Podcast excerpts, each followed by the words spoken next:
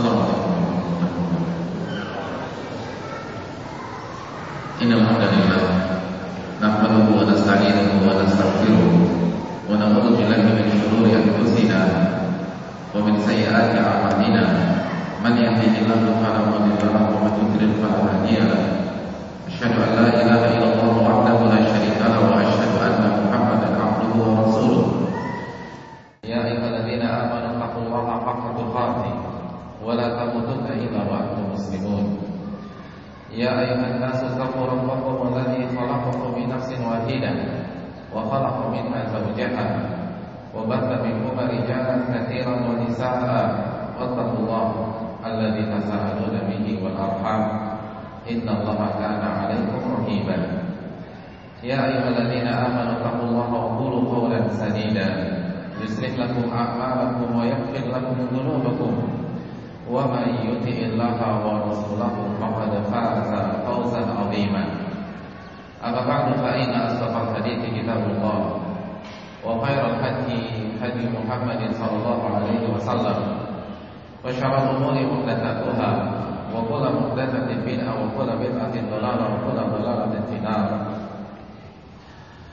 Hadirin yang dirahmati oleh Allah Subhanahu wa taala. Bapak-bapak dan Ibu sekalian serta rekan-rekan mahasiswa dan mahasiswi yang saya hormati. Tidak ada kata yang pantas untuk kita ucapkan pada pagi hari ini kecuali bersyukur kepada Allah. Kecuali memuji Allah Subhanahu wa taala atas segala nikmat dan karunia yang Allah limpahkan kepada kita. Di antara nikmat-nikmat yang tidak mungkin kita bisa hitung itu, yang tidak mungkin kita kita kalkulasikan itu, adalah berkumpulnya kita di salah satu rumah Allah pada detik ini dalam rangka beribadah, dalam rangka bertakarruf, mendekatkan diri kita kepada Allah, dalam rangka meniti sebuah jalan pintas menuju surga. Karena Nabi kita sallallahu alaihi wasallam bersabda, "Man salaka tariqan yaltamisu fihi ilman sahhalallahu lahu fihi tariqan ila jannah." Barang siapa yang berjalan dalam rangka menuntut ilmu agama, maka Allah akan pintaskan, Allah akan mudahkan perjalanannya menuju surga. Oleh karena itu tidak ada kata yang pantas untuk kita pada kesempatan kali ini dan pembukaan kali ini kecuali bersyukur dan memuji Allah Subhanahu wa taala. Selanjutnya salawat dan salam tidak lupa kita haturkan kepada kedua kita, uswah hasanah kita Rasulullah sallallahu alaihi wasallam beserta para keluarga beliau, para sahabat-sahabat beliau dan orang-orang yang istiqamah berjalan di bawah naungan sunnah beliau sampai hari kiamat kelak. Hadirin yang dirahmati oleh Allah Subhanahu wa taala. Al-Imam Abu Hanifah sebagaimana dibawakan oleh Al-Imam Ibn Abdul Bar dalam kitabnya Jami' Bainal Ilmi wa Fadli. Itu pernah mengatakan al-hikayatu 'anil ulama wa mahasinihim ahabbu ilayya min katsirin min fikr membaca cerita biografi perjalanan para ulama dan kebaikan-kebaikan mereka amal-amal mereka, ibadah-ibadah mereka. Apa yang telah mereka lakukan selama hidup mereka itu lebih aku sukai daripada memperbanyak membaca buku fikih. Apa maknanya hadirin sekalian? Sampai ulama sekali berbeliau mengatakan membaca biografi para ulama Itulah yang aku sukai daripada banyak membaca buku-buku fikih. Apakah beliau meremehkan ilmu yang sangat istimewa ini? Apakah beliau memandang sebelah mata ilmu yang bernama fikih ini? Siapa yang tahu alasannya? Pernah mendengarkan statement ini sebelumnya? Apa alasan Abu Hanifah rahimahullahu taala? Hadirin yang dirahmati oleh Allah Subhanahu wa taala. Maksud beliau bukan merendahkan ilmu fikih. Maksud beliau bukan memandang sebelah mata ilmu fikih. Bagaimana mungkin beliau meremehkan ilmu fikih sedangkan beliau imamnya ilmu fikih. Beliau adalah satu dari empat ulama yang paling karismatik dalam ilmu fikih. Dan kita tahu logika Abu Hanifah adalah logika terbaik sampai detik ini. Logika kias beliau tidak ada yang mengalahkan. Oleh karena itu tidak mungkin beliau meremehkan ilmu yang sangat mulia ini.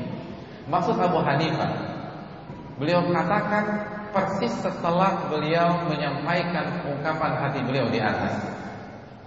Kata beliau, "Li'annaha adabul qaum wa akhlaquhum." Karena dengan membaca biografi para ulama, kita akan bisa melihat fikih secara aplikasi. Fikih yang nyata, fikih yang bukan hanya teori, fikih yang bukan hanya retorika, fikih yang bukan hanya catatan-catatan di lembaran-lembaran buku para ulama kita.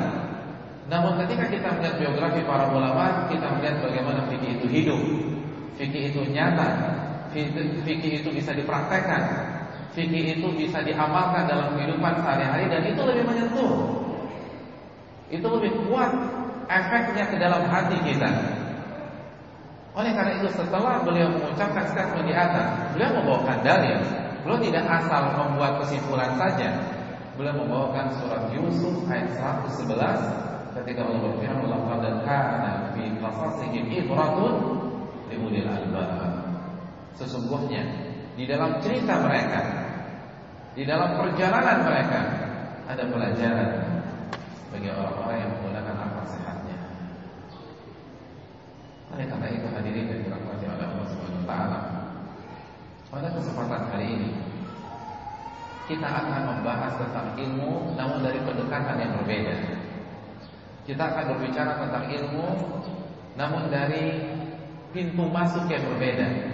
Kita akan angkat tentang pentingnya menuntut ilmu dari perjalanan dan biografi para ulama kita ketika mereka masuk ke dalam bidang yang sangat mulia ini.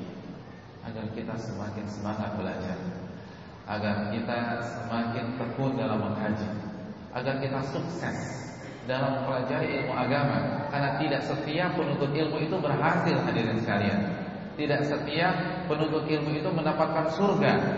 Kita tahu bersama hadis yang diriwayatkan Imam Ahmad dalam kitab Musnadnya Nabi SAW bersabda aktsarul munafiqi ummati qurra'uha orang-orang munafik yang terbanyak di tengah-tengah umatku berasal dari mana? Apakah dari koruptornya, dari pezinanya, dari peminum khamarnya? Nabi mengatakan, "Aktsaru munafiqi ummati qurra'uha." Orang munafik terbanyak di tengah-tengah umatku berasal dari pembaca-pembaca Al-Qur'annya, berasal dari qari-qari'nya yang setiap hari berinteraksi dengan Al-Qur'an, yang setiap hari membaca Al-Qur'an, yang setiap hari melantunkan ayat-ayat Al-Quran. Dan bisa dibuat kesimpulan tidak mereka mengetahui ilmu namun mereka munafik. Ini menunjukkan tidak setiap orang yang duduk bersimpuh dan mengkaji Al-Quran Karim mendapatkan sukses di dunia dan di akhirat. Dan kita tahu bersama hadis Muslim hadis Abu Hurairah yang mampu membuat Muawiyah itu pingsan ketika pertama kali mendengar hadis ini hadis tentang orang-orang yang pertama kali diadab di hari kiamat. Siapa orang yang mendapatkan nomor urut kedua? Nabi mengatakan warajulun ta'allama ilma wa 'allamahu wa qara'a al-Qur'an. Orang yang yang akan diadab di nomor urut kedua kata Nabi SAW itu seseorang yang hidupnya dihabiskan untuk belajar dan untuk mengajarkan ilmu dan membaca Al-Quran namun berakhir tragis berakhir di dalam siksa api neraka. Oleh karena itu hadirin yang dirahmati oleh Allah Subhanahu wa taala. Marilah kita perdalam ilmu ini. Dan kita melihat beberapa sisi dari ilmu tersebut agar kita bisa sukses di dunia maupun di akhirat. Hal yang pertama yang ingin kita angkat pada pertemuan kita Para ulama salaf Mengajarkan kita pentingnya keikhlasan Pentingnya menjaga niat pentingnya bertanya kepada diri kita untuk apa kita duduk di sini. Untuk apa kita membaca Al-Quranul Karim dan mempelajari hadis dari Nabi SAW. Untuk apa kita melangkah ke sebuah majelis ilmu dan menjadi salah satu jamaah tetap di sana. Untuk apa kita menghabiskan buku usul Salata, Arba'in An-Nawawiyah, Al-Aqidah Al-Wasitiyah dan lain sebagainya. Untuk apa kita mempelajari ilmu agama? Karena hadirin yang dirahmati oleh Allah Subhanahu wa taala, ini hal yang penting Ini tidak bisa dilupakan dan inilah resep utama seseorang itu sukses dalam menuntut ilmu agama. Hadirin yang dirahmati oleh Allah Subhanahu wa taala. Al-Imam Az-Zahabi dalam kitabnya Syiar A'lam Nubala pernah membawakan sebuah profil singkat salah satu muridnya Al-Imam Ibnu Jarir Al-Tabari yang bernama Ahmad bin Kamil. Siapa pernah mendengar nama tersebut? Siapa bisa menceritakan siapa sosok Ahmad bin Kamil? Ada yang bisa? Yang bisa saya kasih handphone saya. Saya bisa menjelaskan siapa nama, siapakah sosok Ahmad bin Kamil? Tidak ada. Handphone langsung atau ambil di sini. Alhamdulillah. Handphone saya selamat. Kata Az-Zahab min buhuril ilm. Dia adalah salah satu samudra ilmu. Dari Baghdad. Dan sekali lagi salah satu murid dari Al-Imam Al-Mufassir. Bahkan bapaknya para ahli tafsir Ibnu Jarir Al-Tabari Namun kata Al-Imam Zahabi menukilkan penjelasan para ulama Walaupun beliau salah satu samudra-samudra ilmu Namun namanya terkubur Sebagaimana jasadnya terkubur Apa penyebabnya? Ahlakahul wujud. Wujud menghancurkan dirinya. Lupa menjaga hati. Jatuh ke dalam kesyirikan Karena dijelaskan Syekhul Islam Ibnu Taimiyah, sebagaimana riya kesyirikan dan ujub adalah kesyirikan. Ketika kita riya, kita menduakan Allah dengan manusia. Adapun ujub kita menduakan Allah dengan diri kita sendiri. Ini karena saya, saya yang hebat, saya yang soleh, saya yang cerdas, semuanya saya, saya dan saya. Akhirnya namanya terkubur karena tidak menjaga niat di dalam hati dia. Oleh karena itu saya sudah menduakan aku nggak ada yang tahu. Makanya saya berani tawarkan yang kepada saya. Hadirin yang dirahmati oleh Allah SWT Ini menunjukkan pentingnya keikhlasan Pentingnya menjaga hati Bahkan ini faktor utama Yang harus dimiliki oleh para penuntut ilmu agama Karena hadirin yang dirahmati oleh Allah SWT Faktor utama Jika agar kita sukses menuntut ilmu Itu bukan kecerdasan Bukan ketekunan Bukan rajinnya kita datang ke majelis taklim Itu bagus Dan itu faktor penunjang Namun faktor utama bukan itu Faktor utama adalah niat yang ikhlas.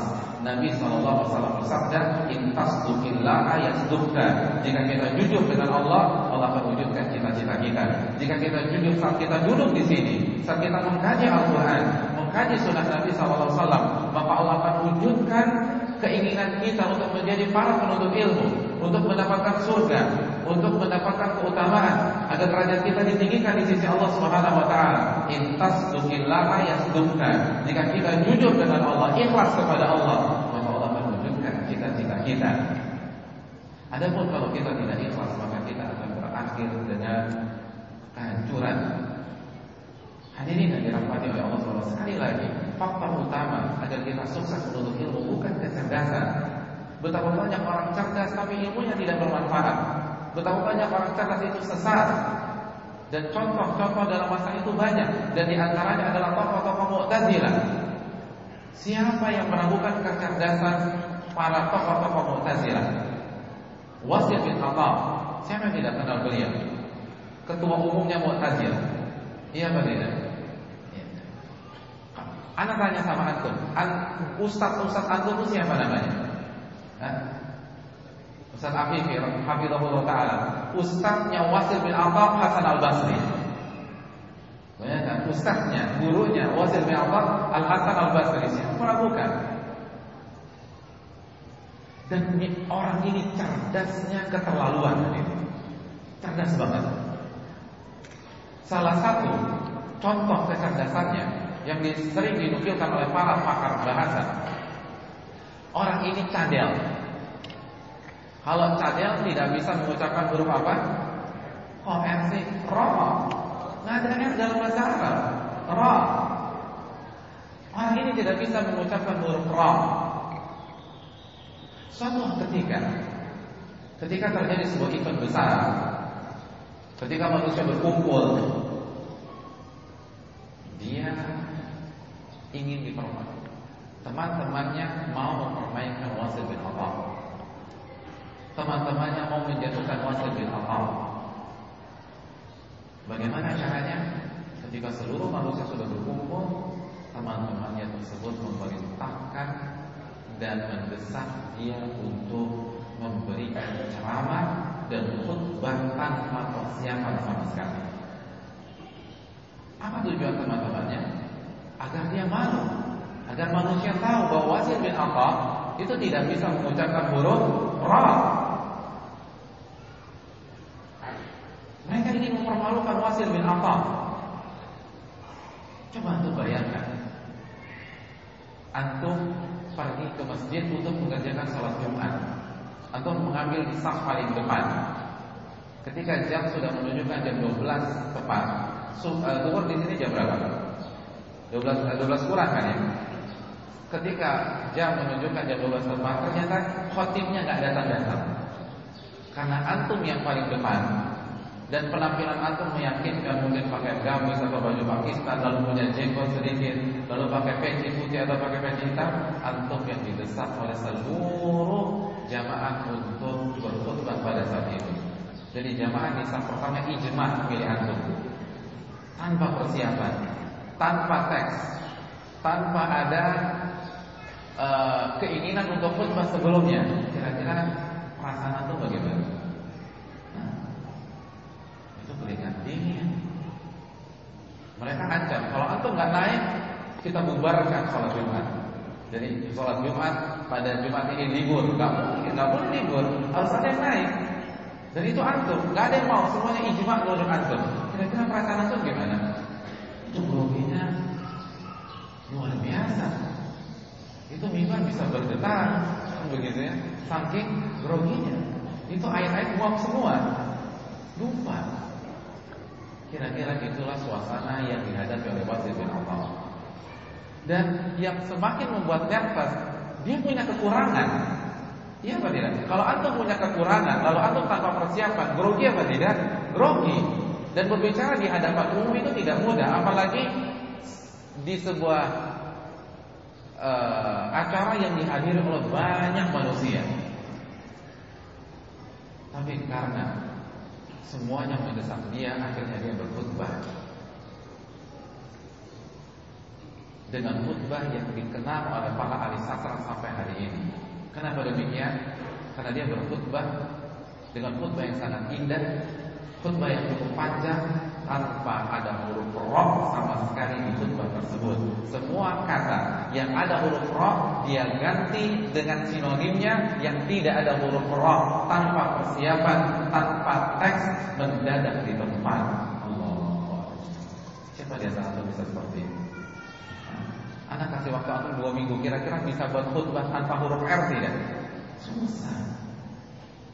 Baru kalimat pertama saja sudah diskualifikasi dengan rahmat Allah. Kena R rahmat. Oh kalau gitu rahmatnya diganti aja Ustaz dengan karunia Allah, karunia kena lagi R. Beliau bisa buat sebuah khutbah tanpa huruf ra. Bagaimana kecerdasan itu? Bayangkan cerdas dan dibina oleh Hasan Al Basri. Namun sesat menjadi ketua umum Mu'tazilah orang nomor satu di kelompok sesat bernama Mu'tazilah. Apa kata Syekhul Islam tentang tokoh-tokoh Mu'tazilah? Utu zakaan walam yutu zakaan. Orang-orang Mu'tazilah diberikan kecerdasan, tapi mereka tidak diberikan kesucian hati. Mereka tidak diberikan kejernihan hati. Mereka tidak ikhlas. Mereka sombong. Mereka ujub. Makanya saking sombongnya, salah satu prinsip Mu'tazilah mendahulukan akal daripada nas, daripada nakal, daripada dalil. Kenapa? Saking merasa diri hebatnya. Al-Jahil. Siapa dengan Al-Jahil? Cerdasnya luar biasa. Salah satu ulama yang ia riwayatkan adalah Abu Yusuf Al-Qadhi. Kita semua tahu siapa Abu Yusuf. Abu Yusuf adalah murid nomor satu dari Al-Imam Abu Hanifah. Salah satu yang meriwayatkan dari Abu Yusuf adalah Al-Jahil. Sangat tekun dalam belajar.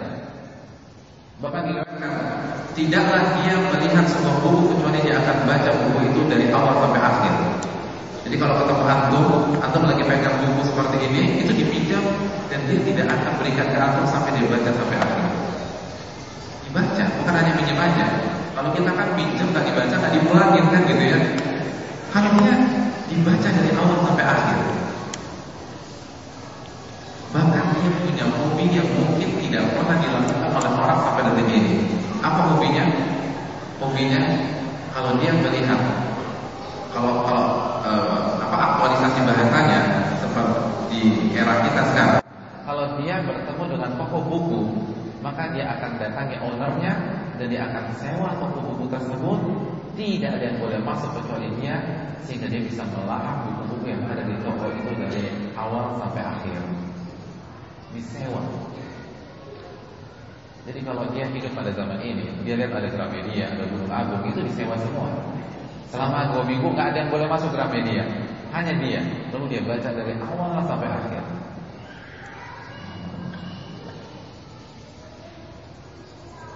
Bisa seperti itu. Kalau kita kan masuk Gramedia, hanya numpang baca, nggak beli kan gitu ya? Iya, numpang baca dari dari pagi sampai sore. Besoknya nggak datang lagi biasanya. Kalau lagi ada waktu kosong. Kalau di Jogja begitu nggak? Kalau di Jakarta masih sebegitu. Pergi ke Gramedia, dari buku yang membuka, atau kalau masih ketutup sengaja dia buka, bahkan sudah siap dengan kantornya, biar gampang buka plastiknya. Kalau dia baca dari pagi sampai sore. Jadi lebih hebat, dia sewa itu toko buku. Disewa dua minggu, tiga minggu, satu bulan, lalu dia duduk manis menikmati buku-buku tersebut. Makanya diriwayatkan matinya kan juga ketiban buku. Ya karena bukunya banyak sekali di rumahnya dan buku-buku sekarang kan covernya nggak selembut ini. Eh buku-buku zaman dulu covernya tidak lembut sekarang. Tebal-tebal. Lalu begitu dia ambil, jatuh semua, dia meninggal dunia. Tapi sesaat mu'tadilah Orang serajin itu sesat. Kenapa? Lagi-lagi kita mengenal ucapan Syekhul Islam Taimiyah, "Utu zakana walau zakana." Mereka diberikan kecerdasan, ketekunan, kerajinan, tapi mereka tidak diberikan kesucian hati. Mereka tidak diberikan kesucian hati. Oleh karena itu hadirin hadirin Allah Subhanahu wa taala, para ulama kita sangat mementingkan masalah ini. Dan ini menunjukkan masalah keikhlasan sangat berat. Kalau orang sekali bermuridnya Hasan Al Basri bisa jatuh ke dalam ketidakikhlasan, bagaimana dengan kita?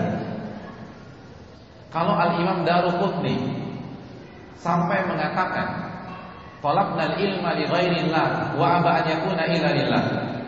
Imam Daruqutni pernah membuat sebuah statement yang disampaikan yang diriwayatkan atau dikeluarkan oleh Imam Ad-Dahabi dalam Syiar Alamin Nubala. Dahulu kata Imam Daruqutni, kami belajar itu enggak ikhlas. Kami datang eh, kami datang ke pengajian itu ikutan. Kami datang ke pengajian mungkin karena setelah pengajian ada makan gratis, jadi kita ikut atau ada pembagian sembako atau karena nggak enak sama senior, jadi akhirnya datang. Fa'aba yakuna ila lillah. Namun setelah kita kaji, kita pelajari, maka ilmu itu menuntut kita untuk ikhlas kepada Allah. Artinya apa? Ulama besar seperti Al-Imam sampai-sampai memberikan testimoni pengakuan bahwa dulu tuh kita juga nggak ikhlas. Ini menunjukkan ikhlas tidak mudah. Ikhlas susah. Ikhlas butuh pengorbanan. Sufyan al-Thawri kita tahu imamnya para ahli hadis sampai mengatakan Ma'alatu syai'an asyadda alayya min niyati. Aku tidak pernah mengobati sebuah penyakit yang lebih sulit daripada penyakit hati. Daripada penyakit keikhlasan. Di anha tataqallabu alayya. Karena hati itu labil, hati itu berbolak-balik dengan cepat. Itu imamnya para ulama hadis mengatakan aku tidak pernah mengobati penyakit yang lebih susah daripada penyakit hati. Lalu kita tenang-tenang saja, kita meremehkan masalah ini, kita tidak menjaga keikhlasan. Jaga keikhlasan hadirin dari Allah Subhanahu Makanya Ibnu Abi Hamzah, salah seorang ulama besar, sampai mengatakan, aku sangat berharap ada seorang ulama yang mau mendedikasikan waktunya untuk sebuah pengajian rutin. Isi pengajiannya hanya tentang keikhlasan. Jadi kajian hari Senin temanya ikhlas. Selasa ikhlas lagi, Rabu ikhlas, Kamis ikhlas, Jumat tentang ikhlas, Sabtu ikhlas, ketemu Senin ikhlas lagi.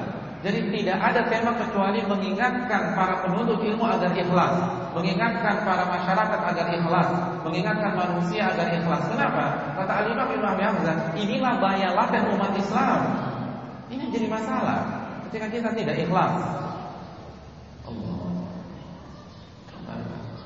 Sekarang kita ketika ustaz yang menyampaikan keikhlasan bosan. Oh, temanya ikhlas lagi, ikhlas lagi. Ibnu Abi Hamzah berharap ada ulama besar yang mengisi sebuah kajian seluruh materi kajian rutinnya tentang ikhlas. Karena berat, tidak mudah.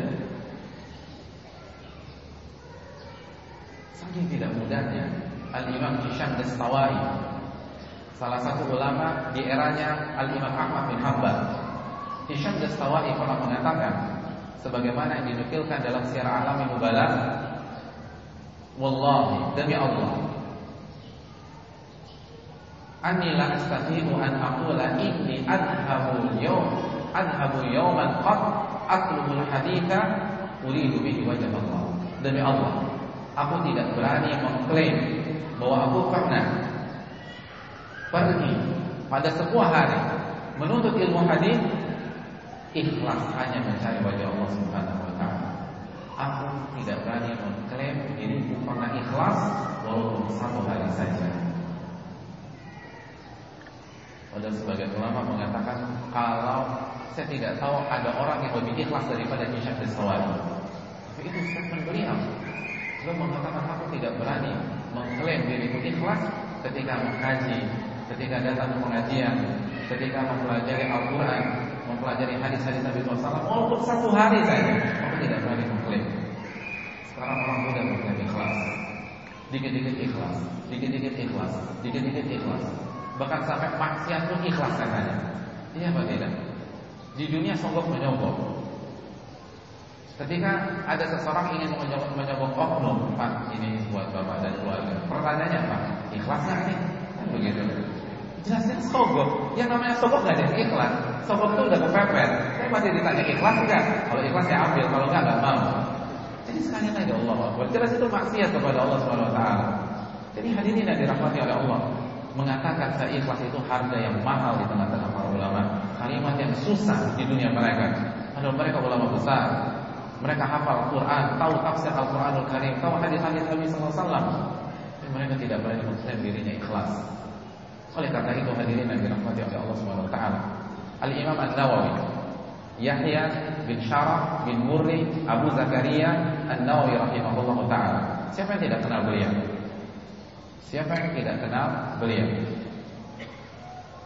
Salah satu pembesar madhab Syafi'i.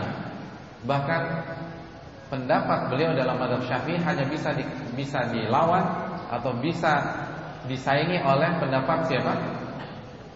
Imam siapa? Hah? Yang bermadhab syafi'i di sini siapa? Pendapat Imam Nawawi dalam madhab syafi'i hanya bisa disaingi oleh pendapat Imam siapa? Mahasiswa. Ar-Rafi. Makanya terjadi khilaf di madhab syafi'i. Mana yang lebih Mana yang paling uh, Menempatkan yang pertama? Apakah Nawawi atau Rafi'i tapi banyak muhakkikin madhab syafi'i mengatakan An-Nawawi Karena Al-Imam Nawawi lebih banyak dan lebih dalam mengetahui hadis dibanding Al-Imam Rafi. Walaupun usul syafi'i lebih dikuatkan oleh Al-Imam Ar-Rafi Jadi Al-Hafidh Ibn Hajar Di dalam madhab syafi'i itu masih di bawah Imam Nawawi Az-Zahabi rahimahullah, Ibnu Katsir rahimahullah itu masih di bawah Al-Imam An-Nawawi. Ini orang nomor satu dalam mazhab Syafi'i. Makanya gelar yang diberikan oleh para ulama kepada Imam Nawawi apa? Apa gelarnya Imam Nawawi? Siapa yang tahu? Imam Nawawi penulis buku Arba'in Nawawiyah, Riyadus Salihin, Al-Adkar, Al-Minhaj Syarah Imam Muslim. Apa gelar beliau? LC? LC lewat. MA? MA Doktor? PhD bukan PhD. Apa gelarnya Imam Nawawi? Muhyiddin. Apa arti muhyiddin? Penghidup agama. Jadi saking fenomenalnya karya-karya beliau dan betapa banyaknya jasa-jasa beliau seakan-akan beliau menghidupkan lagi agama, menggeliatkan lagi. Itu gelar internasional. Kalau sekarang seperti dapat Nobel. Saya ingin bertanya, kalau antum mendapatkan gelar Muhyiddin kira-kira apa yang antum lakukan? Syukuran, yang lain. Fast fast yang lain. Orang kalau dapat penghargaan sekarang apa yang beliau lakukan? Mereka lakukan seseorang dapat penghargaan. Biasanya mereka melakukan apa? Mereka kan berpidato. Saya berterima kasih kepada Tuhan yang Maha Esa. Saya berterima kasih kepada manajer saya, fans-fans saya, penggemar-penggemar saya yang sudah membeli semua. Kan begitu. Ya apa tidak? Sekarang pertanyaan saya, apa sikap Imam Nawawi ketika mendengar bahwa beliau dinobatkan sebagai muhyiddin? Apakah beliau berbangga? Apakah beliau konferensi pers seperti yang terjadi pada saat ini? Beliau mengucapkan kalimat yang layak kita renungkan. Hal ini disampaikan oleh Imam As-Sakhawi. Al-Imam Nawawi mengatakan ma aj'alu fi hillin man laqabani. Aku tidak halalkan dan aku akan tuntut sampai hari kiamat orang yang memberikan gelar kepadamu dengan gelar muhyiddin yang kasih gelar dituntut. Beliau tidak terima, beliau kecewa, beliau sedikit marah. Orang zaman sekarang dikasih gelar terima kasih. Terima kasih telah memilih saya, terima kasih telah memvote saya, kan begitu. Imam Nawawi mengatakan saya kiamat. Kenapa demikian? Karena paham esensi dari keikhlasan karena paham betapa beratnya keikhlasan. Karena hadirin sekalian, semakin tinggi jam, uh, semakin tinggi gelar kita, semakin susah kita ikhlas. Semakin tinggi gelar kita, semakin mudah kita riak, semakin mudah kita sombong. Saya ingin bertanya kepada yang lebih mudah riak dan sombong, orang yang punya gelar S3 atau SD? Nah, walaupun sama-sama S. S3 atau SD? S3. Kalau gelar SD akan mau disombongin. Saya bertanya, mana mahasiswa yang berpotensi sombong atau riaknya lebih besar? Yang IP-nya 4,0 atau 1,1? 4,0. Kalau ada mahasiswa IP-nya 1,1 masih sombong, nggak punya perasaan orang itu. Kok tega banget? Sudah IP 1,1 masih sombong lagi. Jadi semakin tinggi gelar kita, semakin berprestasi kita dan diakui oleh orang, itu potensi sombong semakin besar, potensi riak semakin besar dan itu yang dipahami oleh Imam Nawawi. Oleh karena itu gelar yang disematkan ke nama beliau itu sama saja memberikan beban baru kepada beliau, sama saja memberikan PR baru kepada beliau dan beliau tidak terima. Makanya beliau katakan ma aj'alu fi hillin man laqabani muhyiddin. Aku tidak halalkan dan aku akan tuntut sampai hari kiamat orang memberikan gelar kepada diriku Muhyiddin Allah Allah lagi ini buktinya pada Syafi'i penulis Arba'in Nawawiyah Riyadus Salihin Al-Arkar hadirin yang Allah Subhanahu Statement beliau ini menunjukkan keikhlasan beliau. Naksa bukan dari kebebasan Allah dan ini kata para ulama salah satu kunci kesuksesan beliau. Sehingga buku-buku beliau diterima umat. Kita tahu bersama. Kitab Riyadus Salihin menempati ranking kedua dari dari segi penyebaran dan pengkajian. Artinya, apabila pada saat para ulama melakukan survei apa buku yang paling banyak dikaji apa kitab yang paling banyak tersebar di tengah-tengah dunia Islam maka Riyadhus Shalihin menempati ranking kedua sebagai kitab yang paling sering dikaji dan yang paling sering disebut, dinukil orang dan tersebar di belahan dunia Islam. Kitab ini hanya kalah dari satu kitab yang menempati ranking pertama. Kitab apa? Apa kitab yang paling sering dikaji dan yang paling tersebar di tengah-tengah umat? Kitab apa? Saya Bukhari? Bukan saya Bukhari. Saya Muslim? Bukan saya Muslim. Kitab apa? Kitabullah. Kitabullah Al-Quran. Itu yang paling sering dikaji. Nah, di bawah Al-Quran Riyadhus Shalihin, bukan Sahih Bukhari. Sahih Bukhari adalah buku kitab yang paling sahih, tapi bukan yang paling sering dikaji. Makanya aku melihat saya ingin bertanya, kajian Sahih Bukhari di Jogja ada berapa tempat? Kajian Sahih Bukhari di Jogja ada di berapa tempat? Hah? Jarang. Tapi kajian Riyadhus Shalihin banyak apa tidak? Ini bukti. Kalau untuk mengaplikasi silakan survei di lapangan sendiri, pasti akan mendapatkan hasil seperti itu. Kata para ulama, itu menunjukkan keikhlasan. Allah berkahi ilmu beliau, Allah berkahi karya-karya beliau. Oleh karena itu jika kita ingin mendapatkan keberkahan ketika kita menuntut ilmu agama, ikhlas kepada Allah. Nabi bersabda dalam hadis riwayat Imam Abu Dawud, "Man ta'allama ilman bima yubtagha bihi wajhullah, la yata'allamuhu illa liyusiba 'aradan min ad-dunya, lam ra'ihat lam yara jannah yaum al-qiyamah." Barang siapa yang mempelajari ilmu agama yang seharusnya dituntut untuk mencari wajah Allah, namun ia pelajari, ia kaji, hanya ingin mendapatkan perhiasan dari perhiasan dunia, bagian dari bagian dunia, maka dia tidak akan mencium surga pada dunia. Allah Dan inilah alasan kenapa ada penuntut ilmu agama, ada seorang ustaz, ada seorang pengajar menempati ranking kedua untuk diadab oleh Allah Subhanahu wa taala di api neraka jahanam. Nabi mengatakan dalam hadis Muslim, "Rajulun ta'allama ilman wa 'allamahu wa qara'a al-Qur'an. Jadi Nabi mengatakan hadis hadis ini awalnya apa? Awwalu ma yuqda 'alaihi yaum al-qiyamati thalatha. Yang pertama kali akan disidang dan akan dilemparkan ke di yang yang pertama kali akan disidang dan dilemparkan ke dalam api neraka ada tiga orang, ada tiga golongan. Yang pertama apa? Rajulun ustushhida. Fa utiya bihi fa'arafahu ni'amahu fa'arafaha.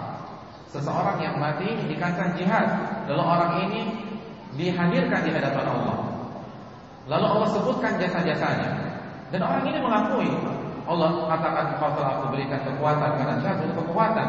Engkau telah aku berikan fisik yang bagus Kecerdasan Karena jihad butuh kecerdasan Untuk berstrategi atau memahami strategi.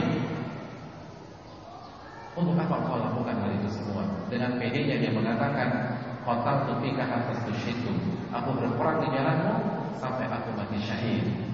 Apa kata Allah? Kadafta dusta Walakinnaka Fa'alta dhalika yukhal Jadi Karena pada hakikatnya Engkau melakukan hal itu semua Agar dikatakan Pahlawan, pemberani Fakadakil Dan gelar itu telah kau dapatkan Gelar itu telah kau dapatkan Fa'umira bihi fasuhiba ala wajhah ulqiya finnar. Maka Allah panggil malaikatnya untuk menyeret orang ini dalam kondisi kepala yang ada di bawah sampai dilemparkan ke dalam api neraka. Nomor urut yang kedua, rajul ta'allama al-ilma wa 'allamahu wa qara'a al-Qur'an. Seseorang yang kerjaannya di dunia mengkaji ilmu agama dan mengajarkan ilmu tersebut dan membaca Al-Qur'an. Fa'utiya bihi maka orang ini dihadirkan di hadapan Allah. Fa'arrafahu ni'amahu fa'arrafaha. Lalu Allah menyebutkan nikmat dan anugerah yang Allah berikan pada saat di dunia. Engkau telah aku berikan kecerdasan karena untuk menuntut ilmu butuh kecerdasan. Untuk jadi ustaz butuh kecerdasan. Engkau telah aku berikan waktu karena untuk belajar butuh waktu. Engkau telah aku berikan suara yang merdu karena untuk menjadi qari butuh suara yang merdu. Untuk apa engkau gunakan hal itu semua? dengan bangganya dia mengatakan ta'allamul ilma wa 'allamtuhu wa qara'tu fika al-Qur'an. Aku mempelajari dan aku mengajarkan ilmu agama dan aku membaca Al-Qur'an semata-mata hanya mengharapkan ridho. Apa kata Allah? Kadzabta dusta. Bohong. Walakinnaka ta'allamta ilma wa 'allamtahu liqal alim. Karena pada hakikatnya engkau selama ini belajar dan mengajar agar dikatakan ulama, agar dikatakan ustaz, agar dikatakan kiai, agar dikatakan tuan guru, agar dikatakan kiai haji. Dan engkau membaca Al-Qur'an liqal qari. Agar engkau dikatakan qari. Faqadakil dan gelar itu telah kau dapatkan di dunia. Wa umira bihi. Allah panggil malaikatnya untuk menyeret orang tersebut dalam kondisi wajah yang atau kepala yang ada di bawah hatta ulqiya finnar sampai dia dimasukkan ke dalam api neraka. Hadirin sekalian, saya ingin kita menggarisbawahi ketika Allah berfirman kepada orang tersebut faqadakil gelar itu telah engkau dapatkan. Gelar apa? Ustaz, kiai, ulama, masyayikh. Berarti apa? Berarti yang berpotensi masuk ke dalam hadis ini dan berpotensi untuk menjadi penghuni neraka pertama kali atau kedua kali adalah orang-orang yang sukses dalam menuntut ilmu agama atau menjadi seorang ustaz dan kesuksesannya diakui oleh masyarakatnya. Kenapa demikian? Kalau misalnya ada penuntut ilmu yang nggak pernah hadir, yang nitip absen kalau pengajian usul salatan atau arba'in an-nawawiyah, dan ketika jadi ustaz nggak hafal ayat, tidak hafal hadis, kira-kira dikatakan ulama apa tidak oleh masyarakat? Allah kan katakan gelar itu telah kau dapatkan di dunia. Gelar apa? Gelar ustaz, ustaz yang masya Allah, kiai yang karismatik, lalu ulama yang alim besar. Kalau misalnya dia tidak punya kemampuan dalam menghafal, kalau bicara terbata-bata, ayat tidak hafal, hadis salah semua, kira-kira dapat gelar apa tidak di, di tengah-tengah para masyarakat? Tidak dapat yang diagungkan oleh masyarakat atau yang dipuji oleh masyarakat, yang mendapatkan gelar oleh masyarakat, kira-kira seperti apa sih? Ya masya Allah, yang retorikanya enak, yang menyentuh, yang pandai menyampaikan ayat, yang fasih dalam menyampaikan hadis, itu yang akan mendapatkan gelar ulama, itu akan mendapatkan gelar ustaz, itu yang akan dikagumi. Dan itu atau di antara mereka lah orang-orang yang akan dianggap tidak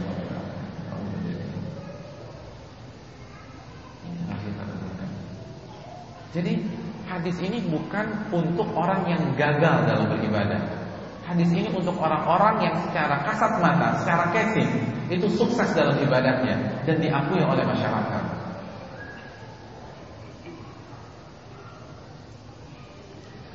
Kalau begitu saya mau resign aja lah dari kajian Pak Ustaz. Biar nggak kena azab pertama kali. Solusinya bukan mengundurkan diri atau resign, karena kalau antum mundur dari kajian, memang antum lolos dari hadis ini, tapi kena hadis yang lain. Jadi solusinya tetap ngaji dan menjaga keikhlasan kepada Allah Subhanahu wa taala. Dan itu diajarkan para ulama kita. Oleh karena itu diriwayatkan Al Imam Al Mawardi itu buku-bukunya baru keluar itu setelah beliau meninggal dunia. Jadi ketika beliau hidup beliau tidak mau menerbitkan buku-buku tersebut. Kenapa? Khawatir dipuji orang, khawatir hatinya nggak kuat kalau disanjung orang, dielulukan orang, diberikan penghargaan oleh orang. Akhirnya beliau simpan dan setelah beliau meninggal dunia baru buku-bukunya disebarkan dan kita tahu orang baru tahu itu dari beliau saat itu. Ini bukan berarti kita nggak boleh menerbitkan buku ketika kita hidup tidak juga.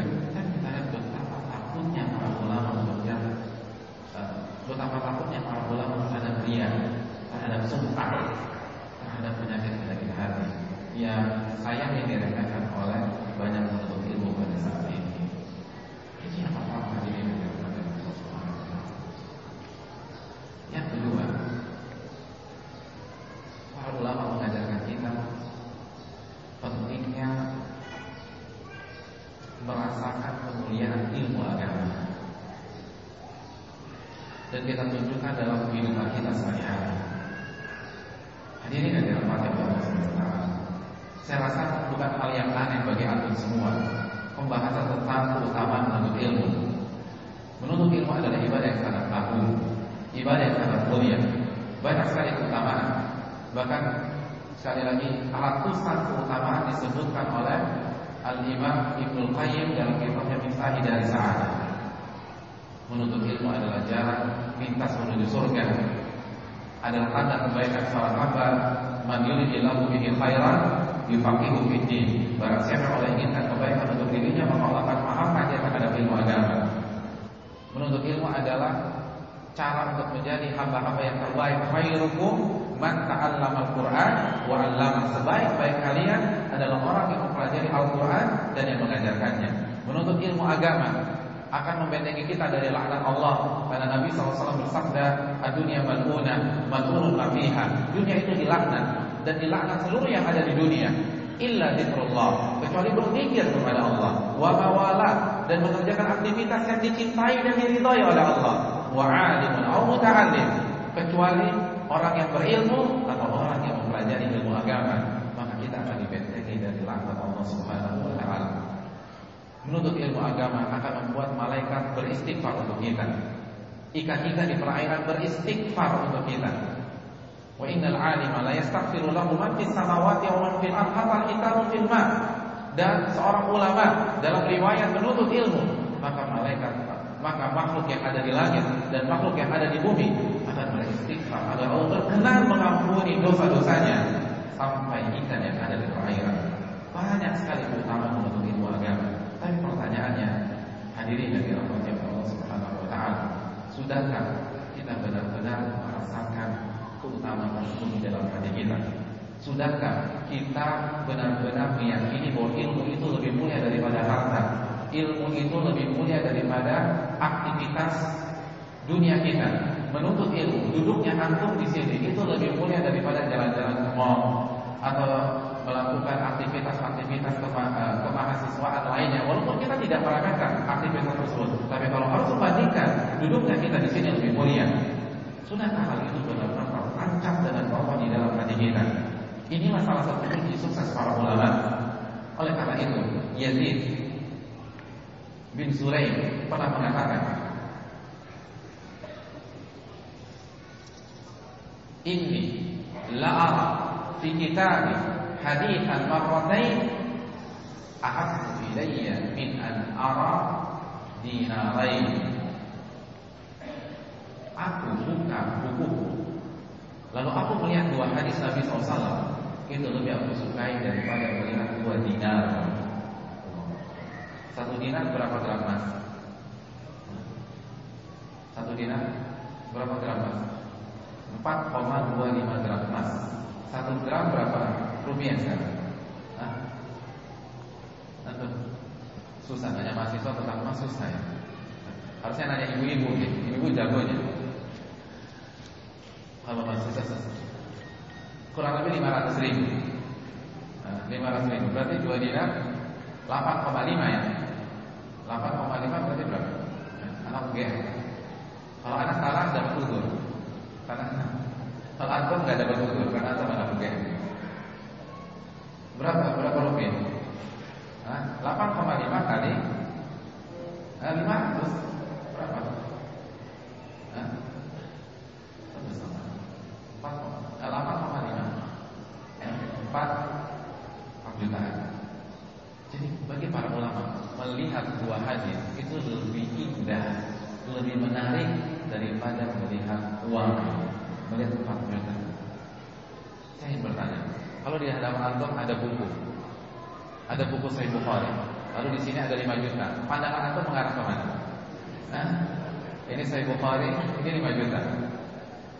Nah, atau win-win solution, dua-duanya kita tatap. Ulama lebih senang dengan hadis Nabi karena yakin bahwa ilmu lebih berharga daripada harta.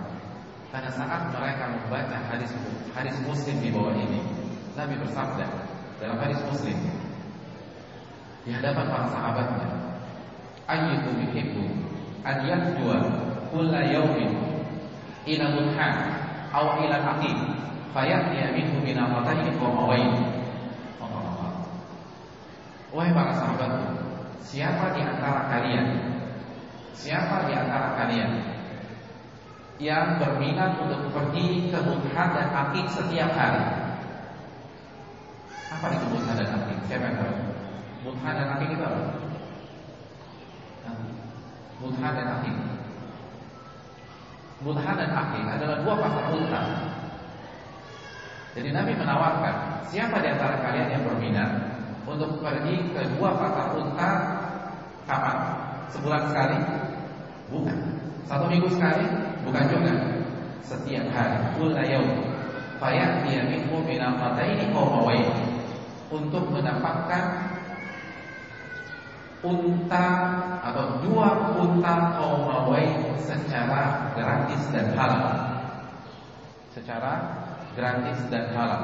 Min ghairi ithmin wala qati rahimin gratis halal, tidak berdosa dan tidak memutuskan tali silaturahim. Jadi artinya pergi ke pasar unta dan mendapatkan berapa unta? Dua ekor unta secara gratis dan halal. Kalau antum ada pada saat itu, kira-kira mau apa tidak? Nabi tawarin dua unta setiap hari, mau apa tidak?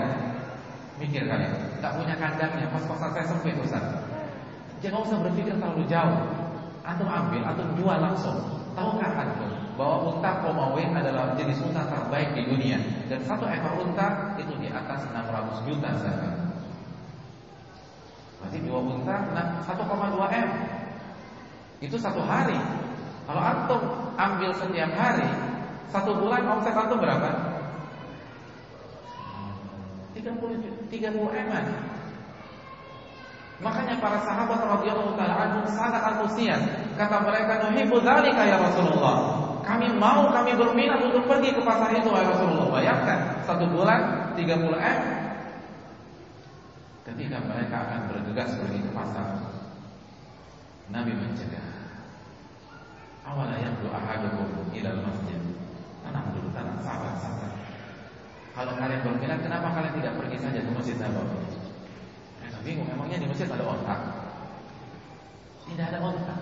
Nabi mengarahkan atau yaqra ayataini min kitabillah untuk mempelajari dan membaca dua ayat dari Al-Qur'anul Karim khairun lahu min karena dua ayat dari Al-Qur'anul Karim itu lebih mahal di sisi Allah dibanding dua unta wa thalathun khairun lahu min dan tiga ayat lebih mahal daripada tiga unta. Wa arba'un khairun lahu min arba dan empat ayat itu lebih mahal daripada empat unta. Wa min a'dadihinna min al-ibil dan begitu seterusnya. Lima ayat lebih mahal daripada lima unta, enam ayat lebih mahal daripada enam unta, tujuh ayat lebih mahal daripada tujuh unta. Kalau kita berminat pergi ke sana, maka kita tidak berminat pergi ke masjid. Ulama kita menjelaskan Nabi sedang ingin memberikan perbandingan sederhana bahwa ilmu agama lebih mulia daripada harta dunia. Bahkan kata para ulama satu ayat itu lebih mulia daripada ribuan unta bahkan seluruh unta-unta yang ada di dunia. Kenapa satu berbanding satu atau dua berbanding dua? Itu agar lebih memudahkan pemahaman kita. Maka Allah, Nabi memberikan analogi sederhana. Tapi intinya adalah bahwa ilmu lebih berharga daripada dunia. Sudahkah kita benar-benar meyakini hal ini? Yazid bin Zurai itu benar-benar yakin terhadap ayat ini hadis ini. Oleh karena itu, beliau lebih senang melihat hadis daripada melihat uang, daripada melihat dinar, daripada mendapatkan emas. Karena mereka yakin bahwa ilmu lebih berharga daripada harta. Ilmu lebih berharga daripada harta hadirin dari Allah Subhanahu wa taala. Makanya Saking yakinnya para ulama tentang masalah ini, mereka rela mengorbankan harta mereka untuk mendapatkan ilmu. Karena mereka yakin ini lebih mulia daripada harta. Syu'bah bin Hajjaj pernah mengatakan man talabal hadis aflas. Barang siapa yang menuntut ilmu hadis secara sungguh-sungguh maka dia akan bangkrut. Apa maknanya? Maknanya kalau orang benar-benar menuntut ilmu hadis, modalnya banyak, harus beli buku, buku tentang takrij, buku mutun atau buku tentang syarah-syarah hadis, maka dia akan keluarkan biaya yang sangat besar dan uangnya akan berkurang. Makanya beliau mengatakan man talabal hadis aflas. Barang siapa menuntut ilmu hadis dengan sungguh-sungguh, maka dia akan bangkrut. Dan ini bukan isapan jempol belaka. Hajjaj mengatakan bi'tu tis'aumi bi sab'ati dananir. Aku pernah menjual baskom dan ember ibuku sehingga ketika ditotal semuanya berharga 7 dinar. Pengen beli buku nggak punya uang, lalu apa yang beliau lakukan? Jual baskom, jual ember. Ternyata saking semangat sering jual ember jual baskom udah sampai 7 dinar. 7 dinar itu kurang lebih 15 juta untuk modal kajian, untuk ongkos transport, ongkos bensin, beli buku, beli pulpen, dan seterusnya. Jadi bukan dikit-dikit udur, dikit-dikit udur, anak punya nggak datang. Tidak, orang kita itu jual. Siapa di antara kita sudah pernah jual ember ibunya? Coba katakan. Tidak ada? Allah jual ember, baskom. Imam Malik pernah mengatakan tentang gurunya. Siapa gurunya Imam Malik? Gurunya Imam Malik. Robi atau Rahi atau Robi bin Abi Abdurrahman. Imam Malik pernah mengatakan gurunya pernah suatu ketika gurunya kehabisan uang untuk ngaji, untuk menuntut ilmu agama, untuk beli buku. Maka apa yang terjadi? Robi'ah naik ke atap rumahnya, mengambil genteng dan menjual genteng-genteng rumahnya tersebut. Jual genteng rumah. Siapa di antara antum sudah jual genteng kos-kosannya? Enggak boleh haram karena itu bukan punya antum. Kalau mau rumah di kampung dijual boleh. Tapi kos-kosan jangan dijual. Ember milik ibu kos jual. Kan begitu. Uh, semuanya dijual, baskomnya dijual. Akhirnya ibu kosnya juga ini anak ini aliran apa sih kok baskom habis, ember habis, genteng bocor, semua.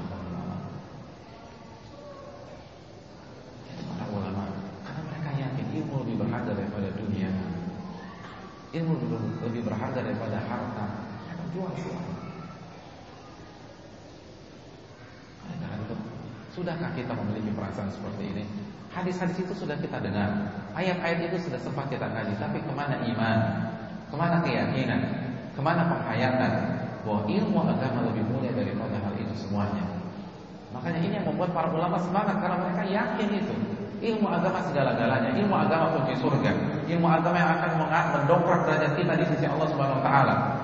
Ilmu agama yang akan membuat kita menjadi salah satu hamba yang terbaik hanya dengan ilmu kita bisa beribadah, beramal dan mengamalkan Islam. Karena itu mereka prioritaskan dari banyak hal. Banyak hal. Hadirin yang dirahmati oleh Allah Subhanahu wa taala. Sekali lagi, tirulah mereka yang memprioritaskan segala yang mereka punya untuk ilmu agama. Al-Imam Ibnu Jauzi itu antum kenalkan nama Al Imam Ibnu Jauzi? Ya. Memangnya untuk menjadi eh, memiliki ilmu sedalam itu nggak butuh modal. Beliau itu sudah habis dua rumah dalam menuntut ilmu. Dua rumah, jual dua rumah. Al Imam Damashqi untuk duduk di majelisnya Imam Malik itu jual rumah. Berangkat kan dari jauh dari Syam pergi ke Madinah, semuanya nggak pakai modal jual rumah untuk bisa duduk di majelisnya Imam Malik bin Anas rahimahullah. Dan ada cerita menarik tentang Al-Imam Dimashqi. Begitu dia duduk dan dulu nantinya akan menjadi Syekh Bukhari. Ini salah satu syekhnya Bukhari. Ketika beliau duduk di majelisnya Imam Malik, beliau melakukan kesalahan. Karena namanya juga anak muda, belum tahu ada belum tahu tata krama, sopan santun yang sempurna, dia buat kesalahan. Akhirnya Imam Malik pukul dia melalui asistennya. Coba kasih pelajaran kepada dipukul 15 kali dalam riwayat. Dia marah hadirin sekalian. Dia tidak terima. Dan dia katakan, aku tidak halalkan sampai hari kiamat. Dan di hadapan Imam Malik, Imam Darul Hijrah, dan dia hanya anak muda biasa pada saat itu. Aku tidak halalkan sampai hari kiamat. Lalu apa kata Imam Malik? Imam Malik dengan tawadunya mengatakan, "Apa kafaratu?" Kalau engkau tidak halalkan, kompensasinya apa? Kafaratnya apa? Jadi Imam Malik walaupun sudah menjadi imam besar, muridnya ribuan dan dia hanya anak muda, dia belum menjadi imam, kehilangan satu murid yang masih muda seperti itu tidak ter, tidak berpengaruh terhadap nama besar Imam Malik. Kalau Imam Malik mau sombong, tinggal Imam Malik katakan, kalau anda tidak suka sisa saya, pulang saja cari syekh yang lain. Kalau saya tetap seperti itu. Tapi Imam Malik tidak. Imam Malik mengatakan, apa kafarat Tuhan? Kalau begitu, apa kafaratnya? Bagaimana aku bisa menembus kesalahanku? Oke, itu salah. Saya hilang. Kalau begitu, apa kompensasinya? Apa kata Alim Dimashqi? Engkau telah mengukur aku 15 kali. Oleh karena itu ajarkan aku 15 hadis. 15 hadis. Akhirnya mau nggak mau yang Malik mengajarkan hadis. Diajarkan hadis pertama, kedua, ketiga, keempat, kelima sampai ke 15. Begitu selesai hadis 15, apa kata yang Damashqi? Idribni fahaddithni. Imam Malik silahkan pukul aku lagi. Nih pipiku boleh ditampar, tapi dengan syarat ajarkan aku hadis lagi. Ini baru penuntut ilmu, nggak ngambek Sebagian itu tuh ngambekkan. Baru diomelin Ustaz nggak mau datang lagi. Ustaz macam apa itu? Bayangkan. Beda dengan para ulama dulu kesatria. Kalau memang tidak suka, selesaikan di depan, bukan main belakang. Beliau katakan dengan dengan gentle, aku tidak halalkan perbuatan. Perbuatanmu itu dolim, walaupun anda imam. Tapi ini keliru, ini hilang. Dan Imam Malik mengakui namanya juga manusia mungkin bisa hilang, mungkin bisa keceplosan, kelepasan, dan Imam Malik mengakui beliau hilang. Dan lihat bagaimana sikap seseorang ketika meyakini ilmu di atas segalanya. Beliau Al-Imam dan melihat kesalahan Imam Malik sebagai kesempatan dan peluang belajar khusus dengan Imam Malik. Karena kalau tidak dengan cara seperti ini, orang semuda beliau, sejunior beliau tidak akan mendapatkan perhatian khusus dari Imam Malik. Oleh karena itu, beliau ambil kesempatan daripada beliau ngambek, nggak mau ngaji lagi, dan tidak ada ulama sahabat Imam Malik pada saat itu. Kecuali mungkin lain bin saat, tapi sekali lagi di Madinah, beliau lah imam Darul Hijrah. Karena itu kesempatan ini tidak disia-siakan karena dia tahu ilmu lebih berharga daripada perasaannya. Ilmu itu lebih berharga daripada sakit hatinya. Ilmu itu lebih berharga daripada fisiknya. Kesempatan itu dia gunakan untuk belajar khusus dengan Imam Malik dan begitu Imam Malik mengajarkan, beliau katakan silakan kumpul lagi, tapi engkau wajib mengajarkan aku hadis sesuai dengan jumlah kumpulan yang kau berikan. Jadi kalau antum merasa didolimi Ustaz begitu, Ustaz mana gak ridho Ustaz? Gimana kompensasinya? Ajarkan anak arba'in nawawiyah. Nah, begitu, itu baru penuntut ilmu. Anak gak ikhlas, ajarkan anak tafsir Al-Fatihah. Nah, begitu penuntut ilmu. Antum dolim Ustaz, Utang nggak bayar-bayar misalnya begitu. Kalau begitu ajarkan anak Al-Baqarah. Misalnya utangnya 100 juta dari Al-Baqarah. Jadi hadirin yang dirahmati oleh Allah Subhanahu wa taala, lihat bagaimana para ulama memandang ilmu. Karena ilmu lebih, lebih mulia daripada daripada harta. Kalau kita bisa bekerja 8 jam sehari, gaji kita sebulan berapa sih? Nah, di Jogja ini jaga gaji, gaji tinggi berapa? Kerja dari jam berapa? Jam 7 sampai jam 4 misalnya. Gaji berapa? 50 juta? 40 juta? Atau 20 juta? Jadi untuk gaji 20 juta itu pun satu bulan kita rela menghabiskan waktu 8 jam selama 5 hari. Sedangkan untuk pahala yang lebih berharga, berharga daripada harta dunia. Nabi mengatakan dua ayat lebih berharga daripada dua unta. Kita tidak punya waktu untuk itu. Ke mana hadis-hadis Nabi Sallallahu Alaihi Wasallam. Kita harus yakin, kita harus punya prioritas. Pokoknya kalau sudah ada kajian rutin datang, tidak boleh tidak. Karena ini lebih berharga daripada omset saya. Ini lebih berharga daripada proyek saya. Ini lebih berharga daripada usaha saya. Bukan berarti kita isi isi kehidupan kita kajian terus, bukan. Tapi ketika kita menekuni sebuah kajian rutin, maka istiqomah di kajian tersebut. Jangan mudah-mudahan meremehkan masalah itu. Hanya gara-gara punya janji sama orang tidak datang, hanya gara-gara punya aktivitas yang bisa ditunda kita tidak datang. Bukankah Nabi yang mengatakan ilmu ini lebih mulia daripada harta, ilmu ini lebih mulia daripada harta dunia? Jangankan kita bicara tentang ilmu yang membahas tentang tauhid, ilmu tentang sholat sunnah fajar saja, bukan amalan wajib. Ini amalan sunnah dan amalan sunnah yang ringan. Apa kata Nabi SAW? al fajri khairun minad dunya wa ma fiha. Dua rakaat salat sunnah fajar itu lebih berharga daripada dunia dan seisinya. Jadi kalau misalnya antum ikut pengajian dari jam 9 sampai jam setengah 12 dari detik pertama sampai detik terakhir tidur kaget bangunnya di jam 10.15 dan begitu kaget bangun Ustaznya lagi menyebutkan hadis ini. Rakaat fajri khairun minad dunya wa fiha. Dua rakaat salat sunnah fajar lebih baik daripada dunia dan seisinya. Begitu dengar hadis ini tidur lagi. Bangun jam setengah 12 ketika ustaznya mengucapkan subhanallah wa bihamdihi la ilaha illa anta atubu ilaik.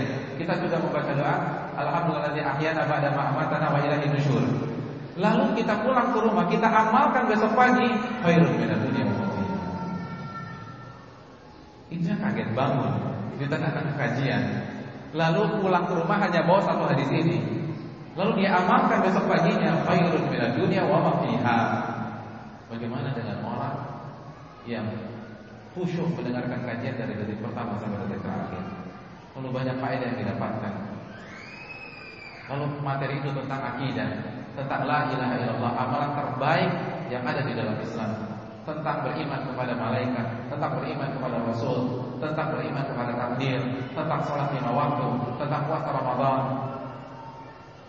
Ini dirapatkan Allah jangan sia-siakan kesempatan emas ini.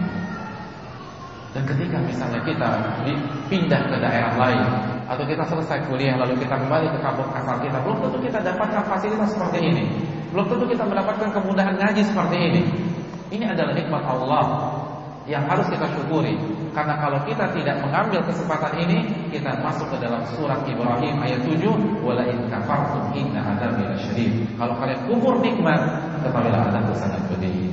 Aku lupa lihat kita uh, break 5 5 5 menit 15 menit. Oh 10 menit uh, sebelum kita masuk ke sesi kedua wasallallahu nabiyina Muhammad wa. Assalamualaikum warahmatullahi